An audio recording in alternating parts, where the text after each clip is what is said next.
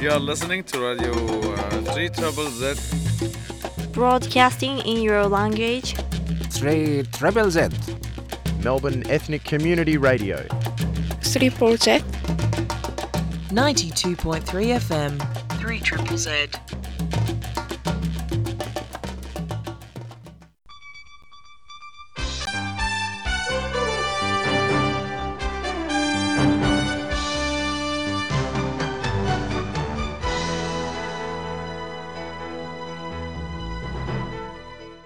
und nichts Neues von der jüdischen Welt.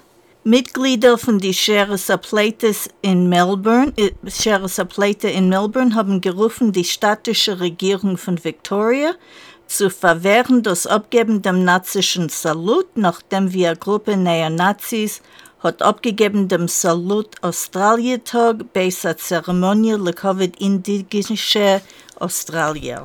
Ein Schießer in Jerusalem ist befallen Schiel. Er hat erschossen sieben und verwundet zehn. Polizei hat erschossen dem Schießer und bezeichnet dem Unfall wie Terrorismus. Laut einer Ausforschung von dem Journal Forbes seien jeden knapp der Hälfte von den Menadrim zu wohltätigen Organisationen in Amerika nicht dafke jüdische. Der Europäische Verein von jüdischen Studenten in Brüssel lädt die Firma Twitter in Gericht für der Leuben dem Antisemitismus, Hubenleugnung und Sinnereid auf Twitter. Der Verein besteht von 160.000 jüdischen Studenten.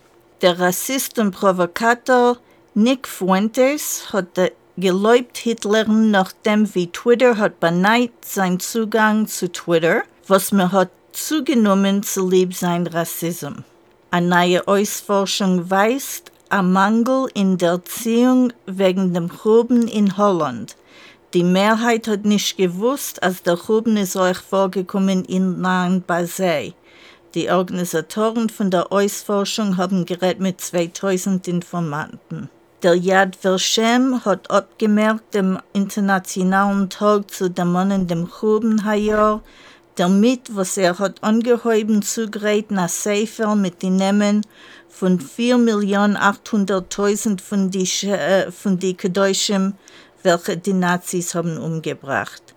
Der Sefer wird sein gehäust zuerst bei die Vereinigten Völker in New York und dann noch in Yad Vashem.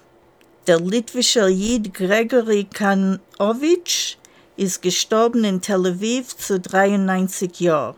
Er hat geschrieben herre 30 Pieces und Filmskripten, zwölf Romanen und Sammlungen Lieder und Erzählungen wegen dem Geurel von litwischen Judentum.